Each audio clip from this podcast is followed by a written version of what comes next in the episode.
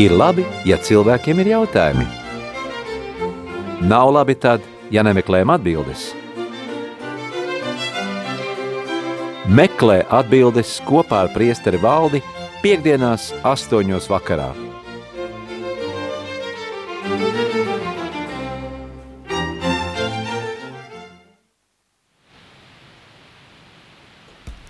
Kristus augšām cēlies. Patiesi augšām cēlies. Kā jau ierasts piekdienas vakarā, rādījā skan raidījums jautājumu un atbildes ar priesteri valdi.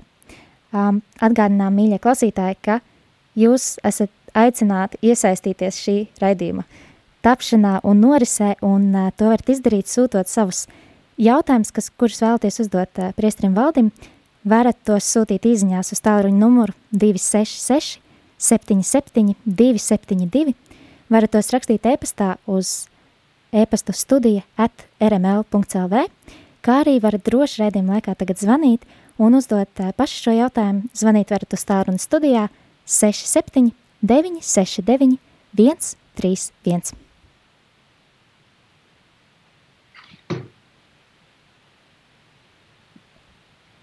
Un tad ir ienākuši man uh, daži jautājumi e-pastā, un ir jautājumi par vēstījumiem. Ir kādi vēstījumi šķietami no Jēzus, un ko es mīļajiem radioklausītājiem gribu pateikt, kad par šiem vēstījumiem, kurus mēs bieži vien varam kaut kur satikt, uh, sastapties ar viņiem internetā vai kādi eh, privātie, kas viņi ir, ar tiem jābūt ļoti uzmanīgiem. Jo dažreiz liekas, ka tie vēstījumi nu, patiešām nav no Dieva. Un tajos pašos vēstījumos ir nu, teiksim, jautājums par to, vai tās ir pretrunas. Ir vēstījums, kurā teikts, ka uzticīgos, tas ir nu, dievam ticīgos, vajās, mocīs, Eh, citā vēstījumā teikts, ka ticīgajiem nekas ļauns iekavās nenotiks, eh, ka ticīgos nodos reliģiskajām varas iestādēm, reliģiskās iestādes un varas iestādes, un ka ticīgie varēs uzvarēt, iznīcināt ļaunuma spēku, un ir jautājums, vai tā ir patiesība, ka katoļu baznīcas slēgs, un tas jau sāk notikt. Eh, pirmais ir eh, jā, vēstījumi. Viņi var būt no Dieva, bet viņi nevienmēr var būt no Dieva. Eh, varbūt arī, ko mēs saucam par vēstījumiem, tas var būt kaut kādas iekšējas pārdomas, kaut kāda situācijas analīze, ko mēs saskatām. Viņa var būt arī reizēm ļoti precīzi. Ja? Skatoties uz lietām, mēs varam pateikt, kas notiks tālāk, kā, kāds ir, kāda būs notikumu gaita. Un tāpēc ar vēstījumiem ir jābūt ļoti uzmanīgiem. Ja, ja šajos vēstījumos teiksim, ir šīs pretrunas, var gadīties arī, pat ja ir tīri patiesi vēstījumi, kad ir vietām uzticīgos, dievam ticīgos vājā, viņus arī, saka, nogalina, viņi iet, iet bojā, teiksim, mocekļu nāvē.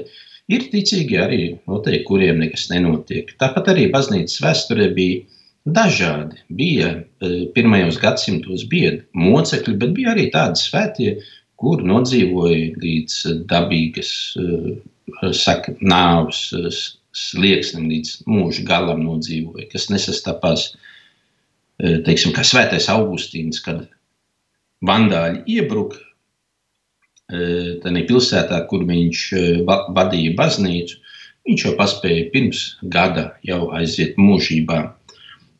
Un kāpēc ar vēstījumiem jābūt uzmanīgiem? Tāpēc, ka tas nav pats galvenais mūsu dzīvē.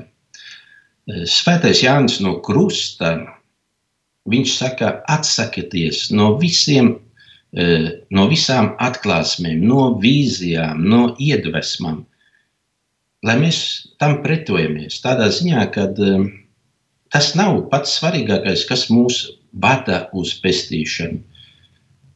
Ticīgam cilvēkam viņam ir doti baušļi, viņam ir evaņģēlijs, viņam ir baznīcas mācība, un ar to īstenībā ir jāpietiek. Un tāpēc uh, Jēzus evaņģēlijā Tomam saka, Svētīgi tie, kas neredzēja, bet ticēja. Ja? Cilvēks ir tik vājš, un viņš domā, ka viņam ticība būs stiprāka, ja viņš redzēs dažādas pārdabiskas lietas vai dzirdēs. Nav taisnība. Pat cilvēks, kurš redz pārdabiskas lietas, pat dzird pārdabiskas lietas, var reizēm arī noiet no pestīšanas ceļa.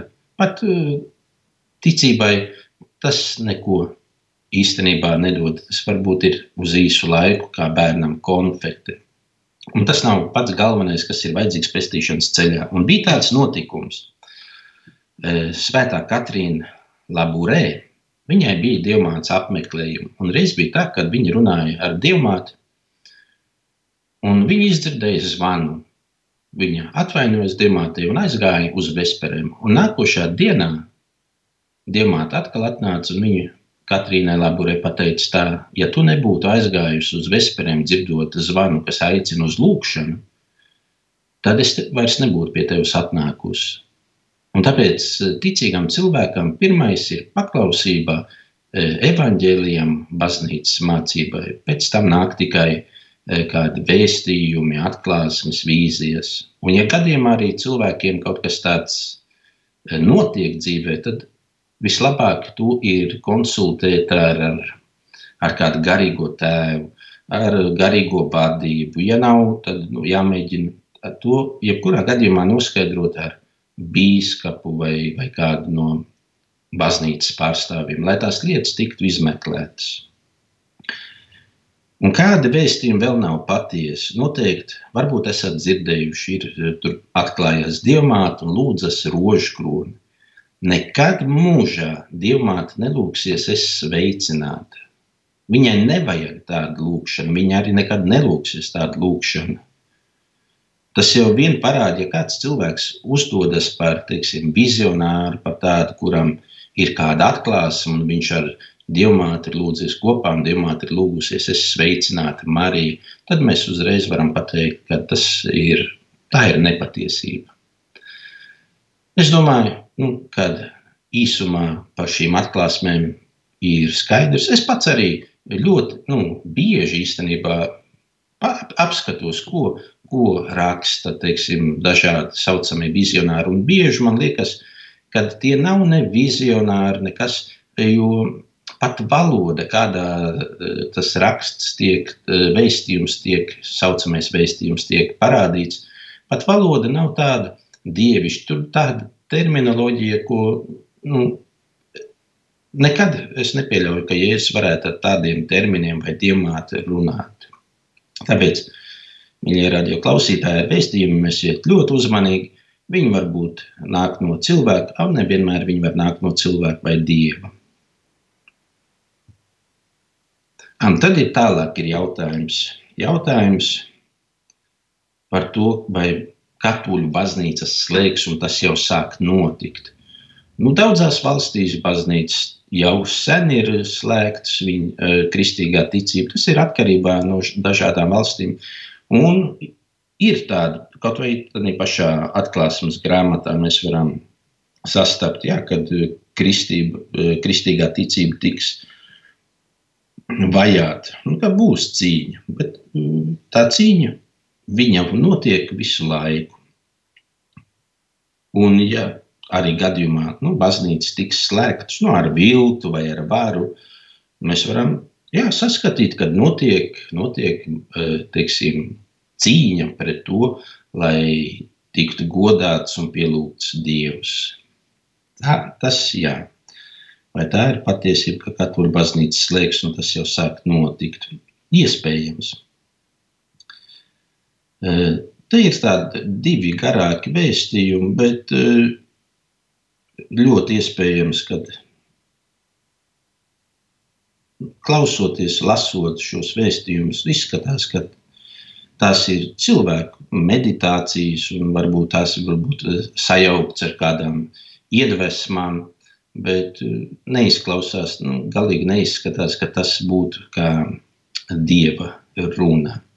Jo ja Dievs runā, viņam e, noteikti tie vēstījumi vai kāda atklāsme, viņam ir ļoti konkrēti un viegli saprotami. netiek tur analizētas kaut kādas detaļas, vai ekonomika, vai vēl kaut kas tāds. Nu, es domāju, īsumā par, šo, eh, par šiem jautājumiem. À, tad ir tālāk. Vai praviešiem Enoham Elijam ir jāatnāk uz zemes laiku beigu posmā? Eh, Jēzus evanģēlijā saka, ka Elija jau bija atnācis, bet ar viņu izdur, izdarīja, izrīkojās cilvēki, kā gribēja. Un nav tas, ka Elijas jau bija atnācis Jāņa Kristītāja personā, ir tas jautājums. Nē, Jānis Kristītājs un Elijas tās ir divas dažādas personas. Vienīgais viņam ir līdzīga varbūt tā sūtība, simbolika, bet, ja Elijas būtu atnācis Jāņa Kristītāja personā, tad mēs varētu runāt par reinkarnāciju, bet baznīca reinkarnāciju kā tādu e, atmet. Vienkārši e, tas tiek, kā saka, noliegta reinkarnācija. Nav iespējams. Re, reinkarnācija kā tāda viņai nav pamata eksistēt. Vai Jēzus mācība un evaņģēlijas ir viens un tas pats, nevis divas lietas? Nu, mēs, ja mēs gribam precīzi izteikties, nu, evaņģēlijas tā ir labā vēsts, ja, un evaņģēlijā ir ietverta Jēzus mācība bet ne visa. E, Jēzus mācība ir ietverta arī baznīcas tradīcijā, jo ne viss ir sarakstīts evanģēlijā, ko Jēzus ir atklājis saviem mācekļiem un apstuļiem. Tāpēc mums ir jāņem vērā ne tikai evanģēlijas kā tāds, bet arī tradīcija, ko, kam baznīca un ticīgie vienmēr ir ticējuši. Un tas arī, es domāju, es ceru, ir cilvēkiem saprotams. Un varam gaidīt kādu nākamo jautājumu. Jā, un tad pie reizes atgādināšu, ka klausītāji jūs visus jautājumus, kurus vēlaties uzdot, varat rakstīt īziņā uz tālruni 266 77 272. Varat uh, sūtīt tos arī uz e-pastu studija atrml.lv kā arī droši varat zvanīt un uzdot paši šo jautājumu uz tālruni studijā 67 969 131, bet nu, neliela muzikālā pauze ar jaunāko jēru dziesmu, lai skan Aleluja!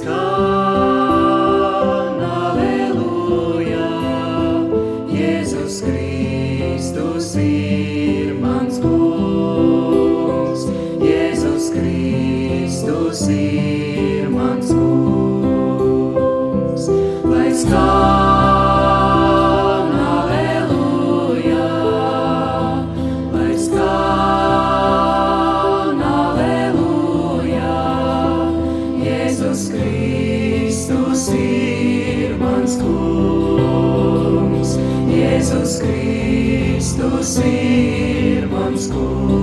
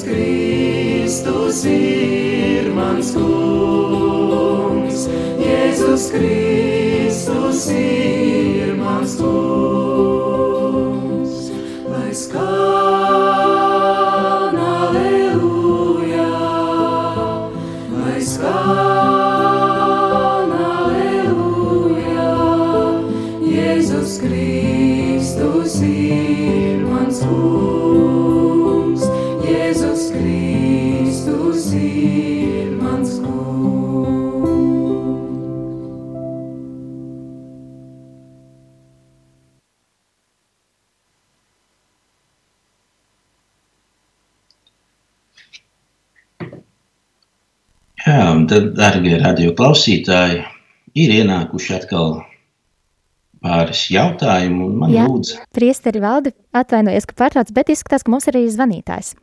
Ir zvanītājs. Jā, tad ļausim viņam uzdot šo jautājumu. Rādījām arī Latviju, lūdzu. Mēs slavēts Jēzus Kristus. Mūžīgi mūžos.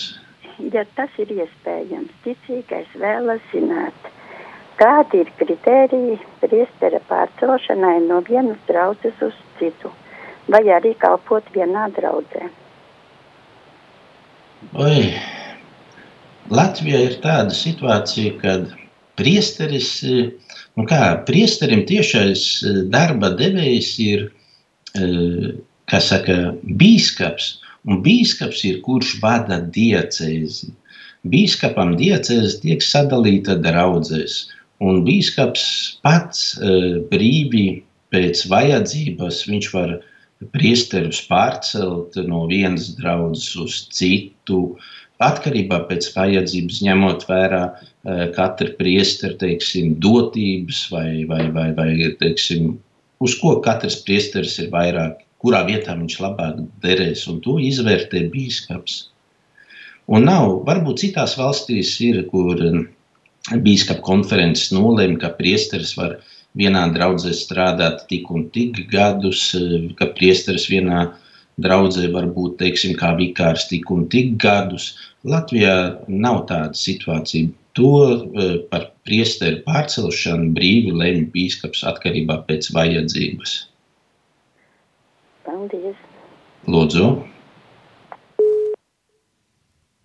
Tā, tad es varu ķerties. Ir man atnāca jautājumi, un lūdzu pastāstīt, kas ir, eh, kas ir dogma. Dogma ir, teiksim, baznīcas mācībā, ir eh, kā kaut kas eh, mācība, kas dogma nāk no dokēju, un viņai ir dogmai vairākas nozīmes. Īstenībā viens ir tēze, doma, mācība vai lēmums. Un baznīcā tā ir mācība. Dogma ir kaut kas uh, nemainīgs baznīcā kā mācība.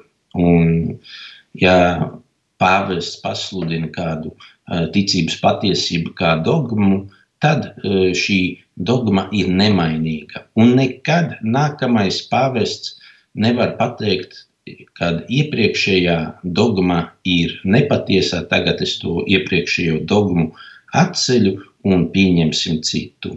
Tas ir e, ticība tāda, kas ir e, saskaņā ar Dieva e, atklāsmi, ar svētajiem rakstiem. Pat ja varbūt mēs dažas dogmas tieši svētajos rakstos nesastopam, tad baznīcas tradīcijā vienmēr cilvēki ir ticējuši noteiktām patiesībām, un tās vēlāk ir apstiprināts kaut kā dogmas. Tas ir kas, kaut kāda baznīcas paticības patiesība, kur ir nemainīga. Tad otrs jautājums, kas ir apokrifi? Apokrifi ir arī e, dažādi raksti. Tie var būt reliģiski, tie ir e, reliģiski raksti, e, vecajā derībā, jaunajā derībā. Eh, bet eh, šīs grāmatas, šie raksti netika iekļauti svēto rakstu kanonā, tāpēc, ka nu, noteikti viņi neiederējās svētajos rakstos un tika uzskatīti par eh, par neiedvesmotām grāmatām. Ja? Mums ir, teiksim, vecajā derībā mums ir daudz apokrifi, ir Abrahama testaments, ir teiksim, katoļu baznīcā kā apokrifs tiek uzskatīta arī Henoha grāmata, kaut gan pie etiopiešiem Henoha grāmata ir pirmā grāmata svētajos rakstos, pat pirms radīšanas grāmatas. Tad mums ir jaunajā derībā, mums ir grāmatas vai raksts, tiek, kur tiek saukt par apokrifiem, teiksim, Toma evaņģēlijas, Jūdas evaņģēlijas, Pētera vai vēl kāds cits evaņģēlijas.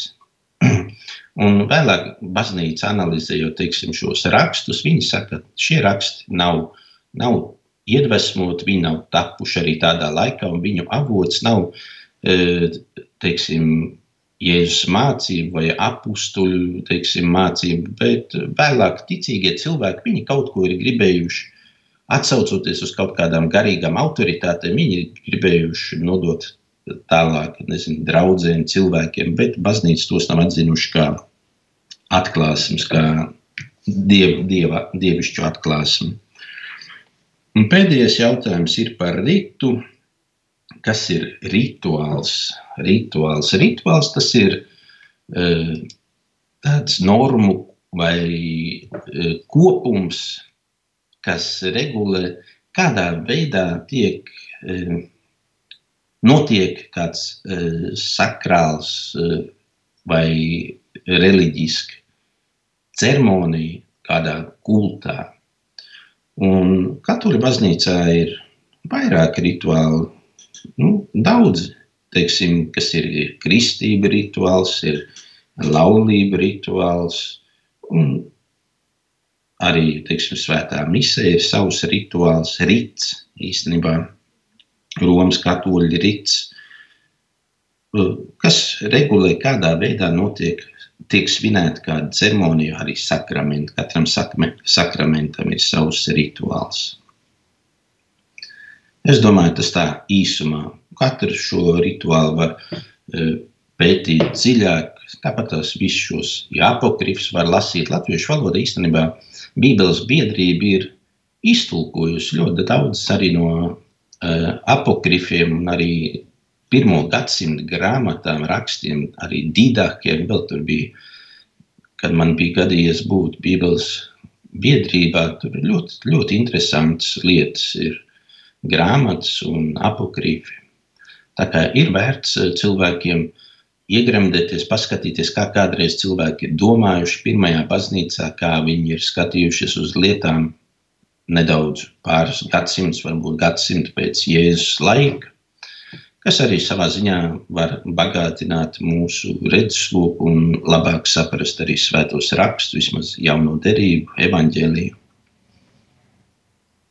Ir arī kāds jautājums, kas ir atsūtīts uz, uh, uz studiju īsiņas veidā. Uh, kādā apģērbā bija Jēzus pēc augšām celšanās? Vēl vienreiz, ja drīkst. Kādā, kādā apģērbā bija Jēzus pēc augšām celšanās? Kas to lai zina, kādā apģērbā pēc augšām celšanās Jēzum pārveidotā miesa, nu, to, to mēs varam tikai iztēloties, skatoties sakrālo mākslu, bet manai ticībai nav, es domāju, nav svarīgi, vai tā bija tūnika, vai tā bija togā, vai viņam bija stola vai kā. Nezinu, nezinu. Jēzus pēc augšām celšanās, nu, fiziski neesmu redzējis ja, tādā veidā. Un ir vēl viens jautājums. Jautājums par to, par ko ir runāts atklāsmes grāmatas 11. nodaļas 3. pantā. 11. nodaļa, 3. pantā, kas par ko ir runāts. Tūlītās mēs atvērsim atklāsmes grāmatu. 11. nodaļa, 3. pants. Tā, tur ir divi tie dieva apliecinātāji laikam. Man tika iedota niedra līdzīga spieķim un tiek teikts, celies, izmēri dieva templi un altāri. Saskaiti dievlūdzējus tajā, bet pagalmu tempļa ārpusē atstāja bez ievērības un to nemēri, jo tas ir atdots pagāniem. Tie bradās svēto pilsētu 42 mēnešus un ir tas trešais pants tagad, un es likšu diviem maniem lieciniekiem tērptiem maisu deranās, pravietot 1200 proti 60 dienas. Grūti pateikt, kas ir šie divi. Vēl nezinām, vēl nezinām. Nu, atklāsmes grāmatā tiek rakstīts, ka šie divi dieva liecinieki, viņi sodīja pasauli par neticību, aizslēdza debesis un, un neļāva līt lietumu, un zeme un iedzīvotāji cieta. Un tad tas zvērs cīnījās ar viņiem un viņus uzvarēja. Un viņi mētājās lielajā pilsētā, viņu, kas saka, mirstīgās atliekas, un pēc tām dienām viņi tika uzņemti debesīs. Un visa cilvēka prie, visi cilvēki priecājās, sūtīja dāvāns viens otram. Atceros, šis uh, fragments ir lasīts un diezgan ir domāts par to, bet kas ir tie divi, to mēs vēl nezinām.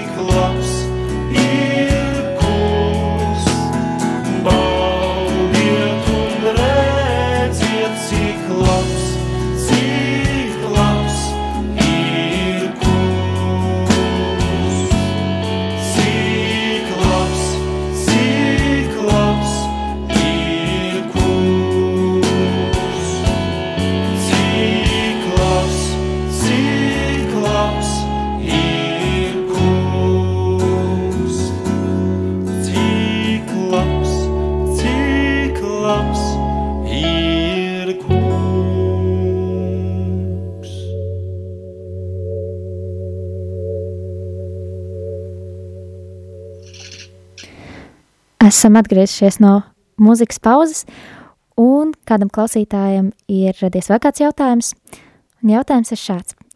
Ir tādi cilvēki, kuriem savā draudzē ir tā kā nērti vai kauns sūdzēt grēkus vienam priesterim, tad sāk staigāt pa visām baznīcām. Ko jūs par to domājat?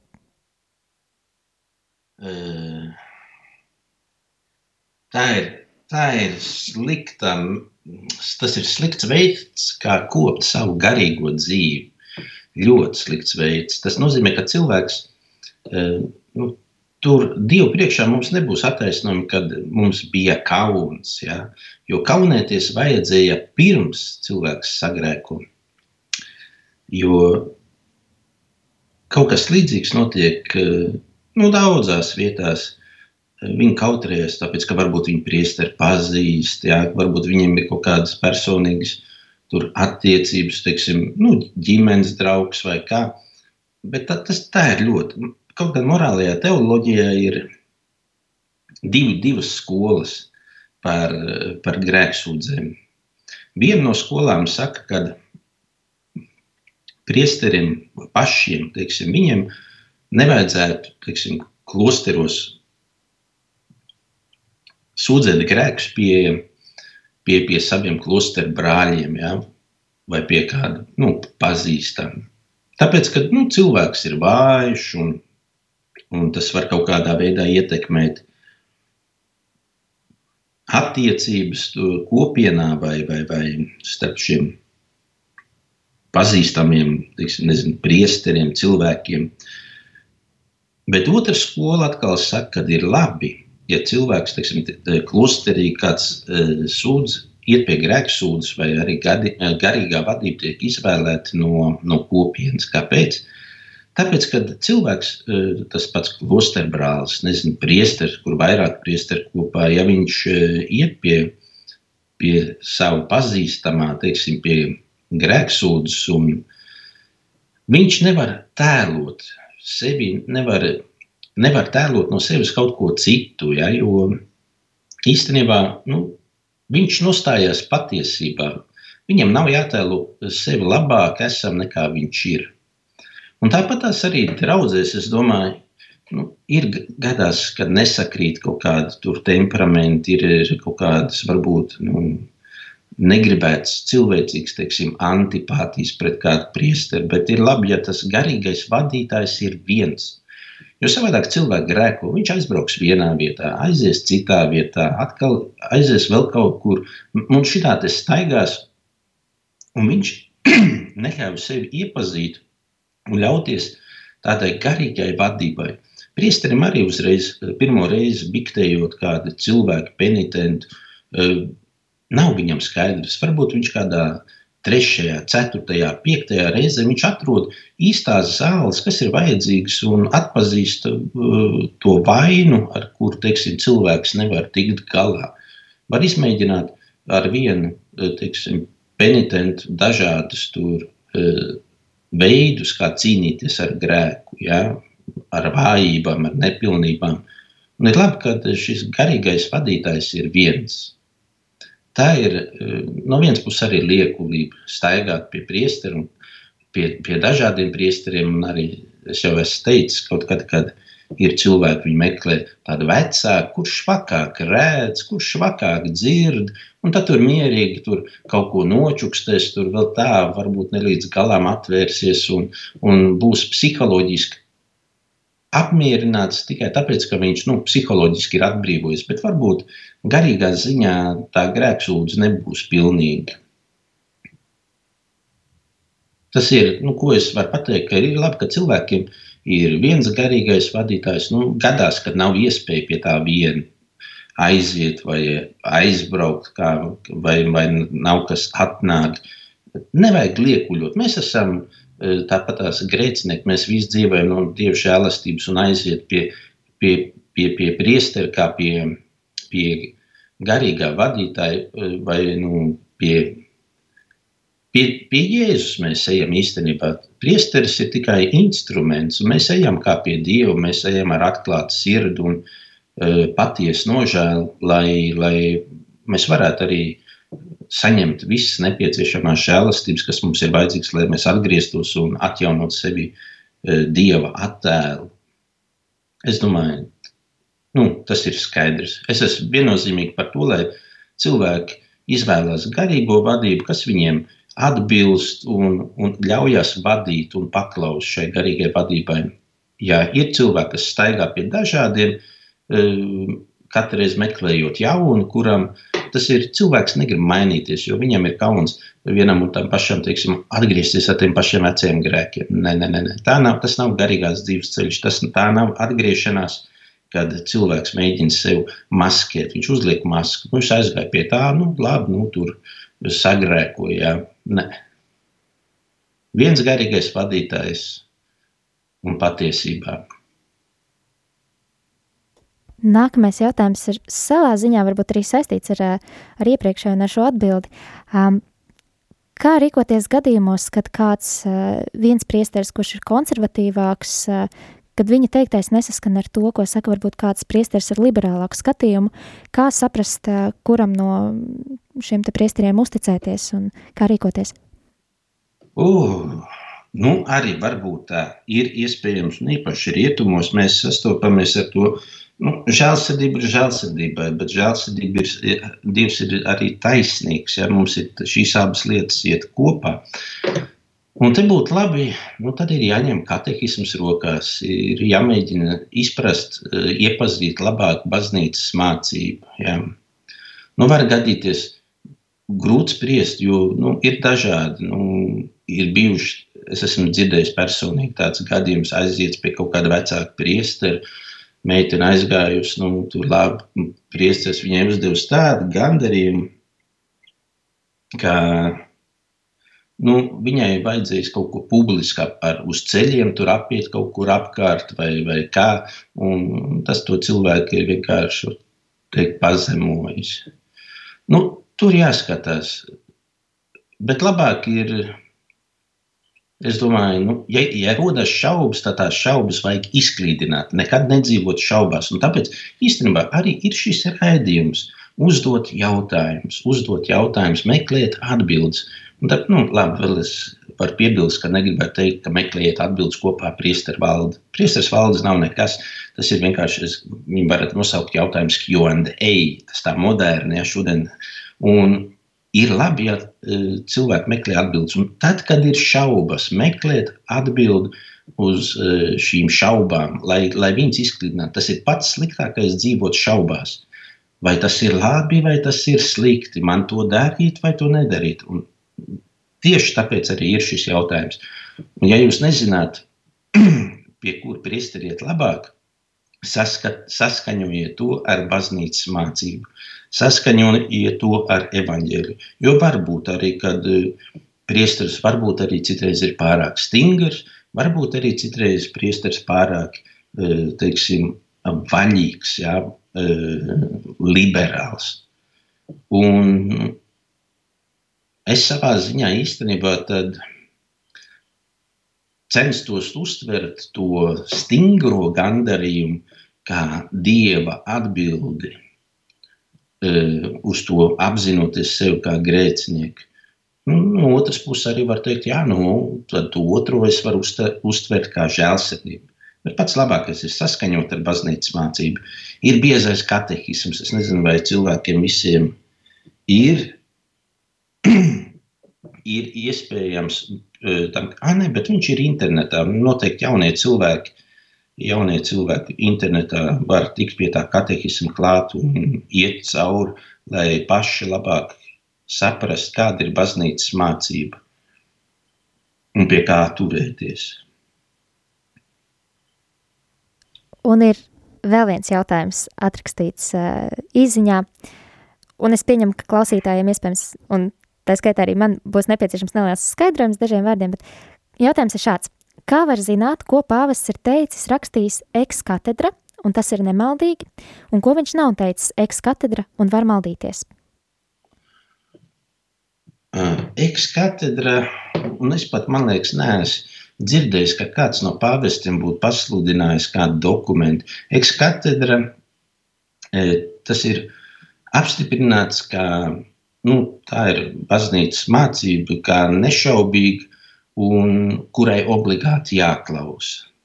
Bet es, es neesmu sastapies, man liekas, vēl ne ar vienu no šiem tādiem pasludinātiem. Tas ir dogmas, kas tiek pasludināts, bet ne, nekas nav bijis ekskatedra.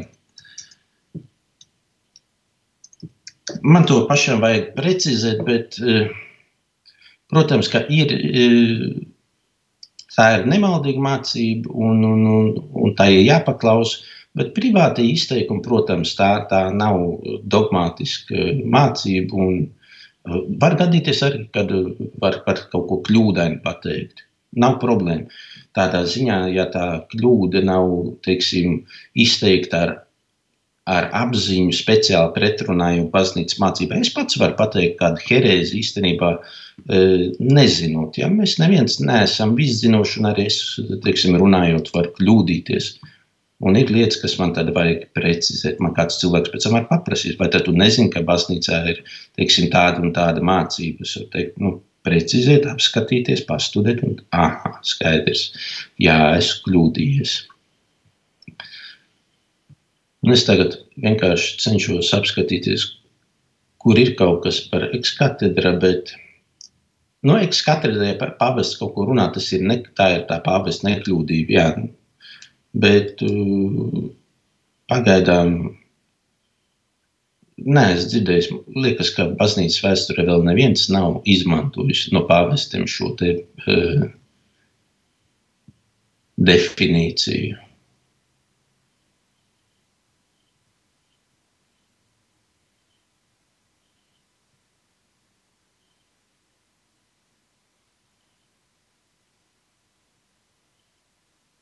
Jā, tas arī viss, es domāju.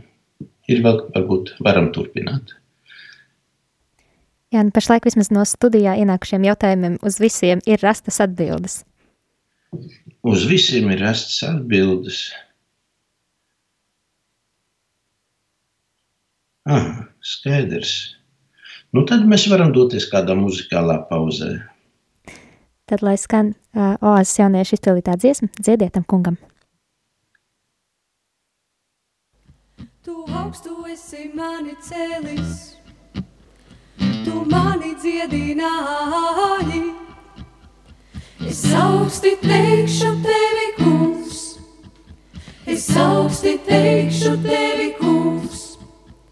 Tu glābi manu dvēseli, tu uzturēji mani dzīvu. Es augsti teikšu tevi, kungs. Es augsti teikšu tevi, kungs, dziediet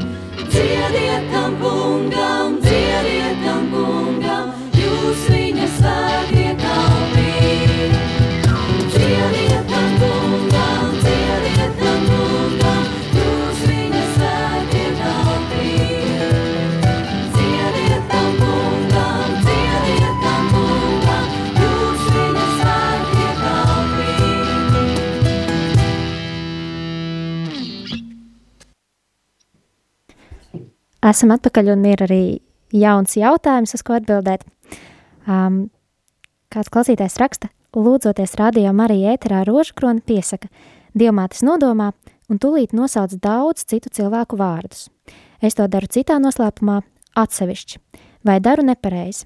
Kā būtu pareizāk? Ne, nu, katrs mēs varam pievienoties teiksim, publiskai lūkšanai, ja, un mēs varam lūgties kopā.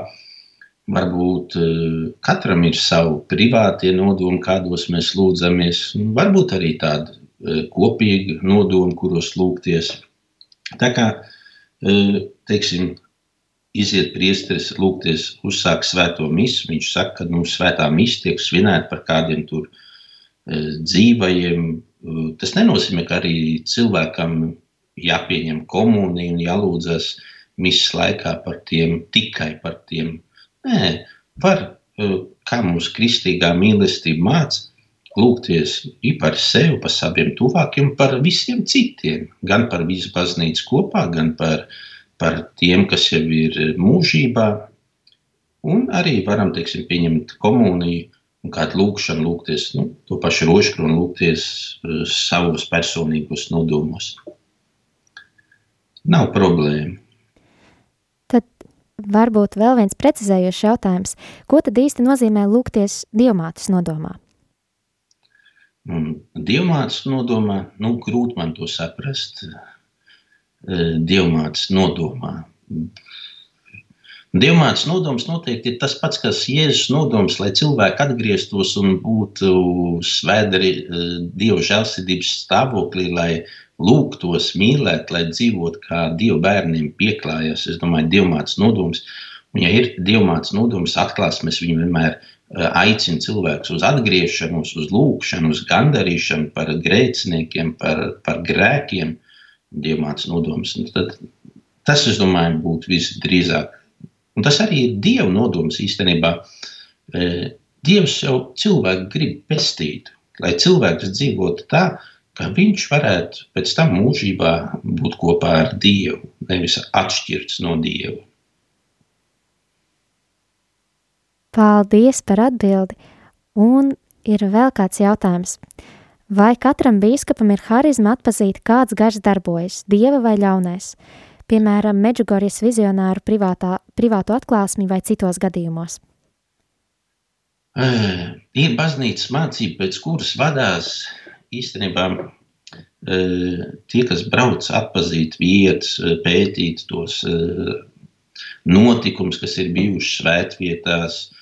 Tur ierodas noteikti komisija. Viņi vadās pēc baznīcas mācības. Baznīcai noteikti arī ir savi kriteriji, kādā veidā viņi atpazīst, vai kaut kas ir no dieva, kas nav no dieva. Un bīskapam, kas ir īpaši, katrs bīskaps var būt eksorcists, neprasot nevienam atļauju. Ja kāds priesteris grib būt eksorcists, ja, tad viņš tiek nominēts. Bīskaps viņu nozīmē par eksorcistu. Katrs bīskaps var būt eksorcists, var e, izpildīt šo e, kalpojumu. Un nu, vēl jau vairāk nu, viņam ir šīs bīskapa konsekrācija, kas ir priesterības pilnība. Un tāpēc bīskapam nu, vajadzētu būt šai harizmai. Īstenībā nu, nav tādas harizmas, kuras bīskapam varētu nebūt. Paldies par atbildi. Pašlaik, laikam, klausītājiem vairāk jautājumu nav. Atgādinu, ka, ja nu vēl ir kāds jautājums, tad to var paspēt uzrakstīt īsiņā uz numuru 266, 77, 272. Ah. Nē, man te raksta jau, ka noteikti ka mani apber ar jautājumiem, bet nav tik traki. Es domāju, ka pirmajās reizēs cilvēkiem bija vairāk jautājumu, bet es vienalga aicinu cilvēkus domāt, domāt, iepazīties ar ticības patiesībām, lasīt garīgo li- literatūru, lai, lai mēs labāk saprastu gan baznīcas mācību, gan lai mēs labāk pazītu Dievu, lai mēs viņu iepazītu nu, arvien labāk. Jo tad arī mūsu attiecības ar cilvēkiem izveidojas labākas, jo mēs labāk pazīstam cilvēku, jo labāk veidojas mūsu attiecības. Un tāpat tas arī ar Dievu. Jo labāk mēs iepazīstam Dievu, jo labākas mums ir attiecības. Ja?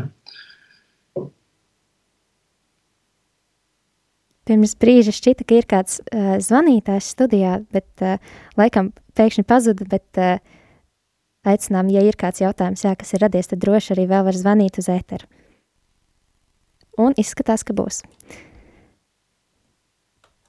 Kristus ir augšām cēlies. Patiesi augšām cēlies. Nevajag plēpāt ar citiem cilvēkiem, ko runā ar priesteri pie grēksūdzes. Vēl vienreiz varētu atkārtot. Nevajag vairāk ar saviem draugiem, draudzenēm plēpāt, ko ar priesteri runāja pie grēksūdzes. Katoļu vēstneša gudrība. Sakiet, lūdzu, kāds ir jūsu jautājums priesterim Valdim?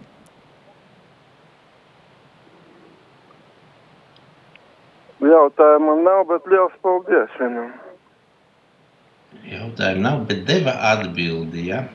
Ka, nu, cik es saprotu, ka labāk ir runāt ar, gries, ar priesteru grēksūdzi nekā ar draugiem, ja? ar jau, teiksim, kā jaunieši savā starpā.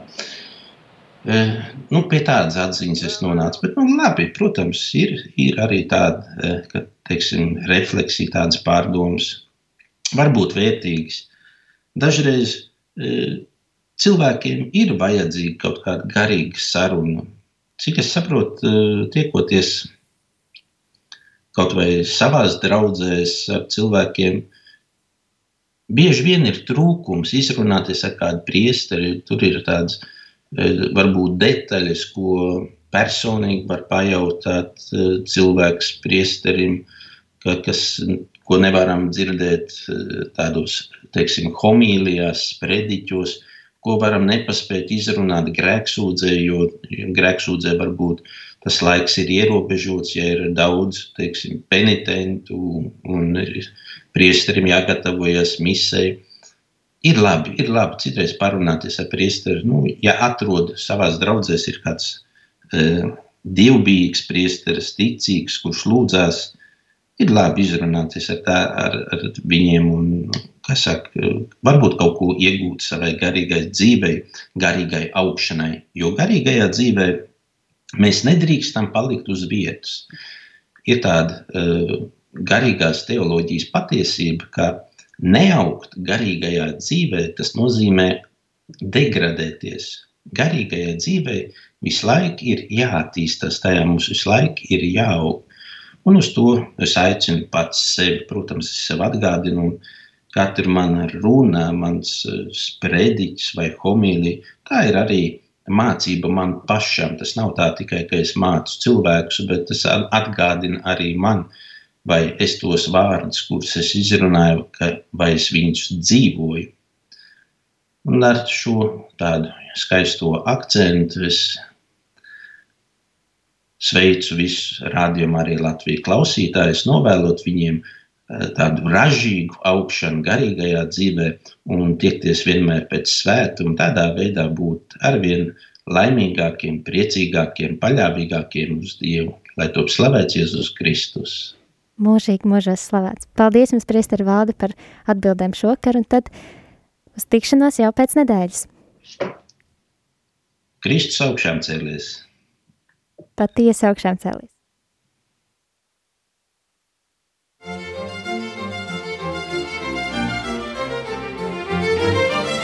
Ir labi, ja cilvēkiem ir jautājumi. Nav labi tad, ja nemeklējam atbildes. Meklē atbildes kopā ar priesteri valdi piekdienās astoņos vakarā.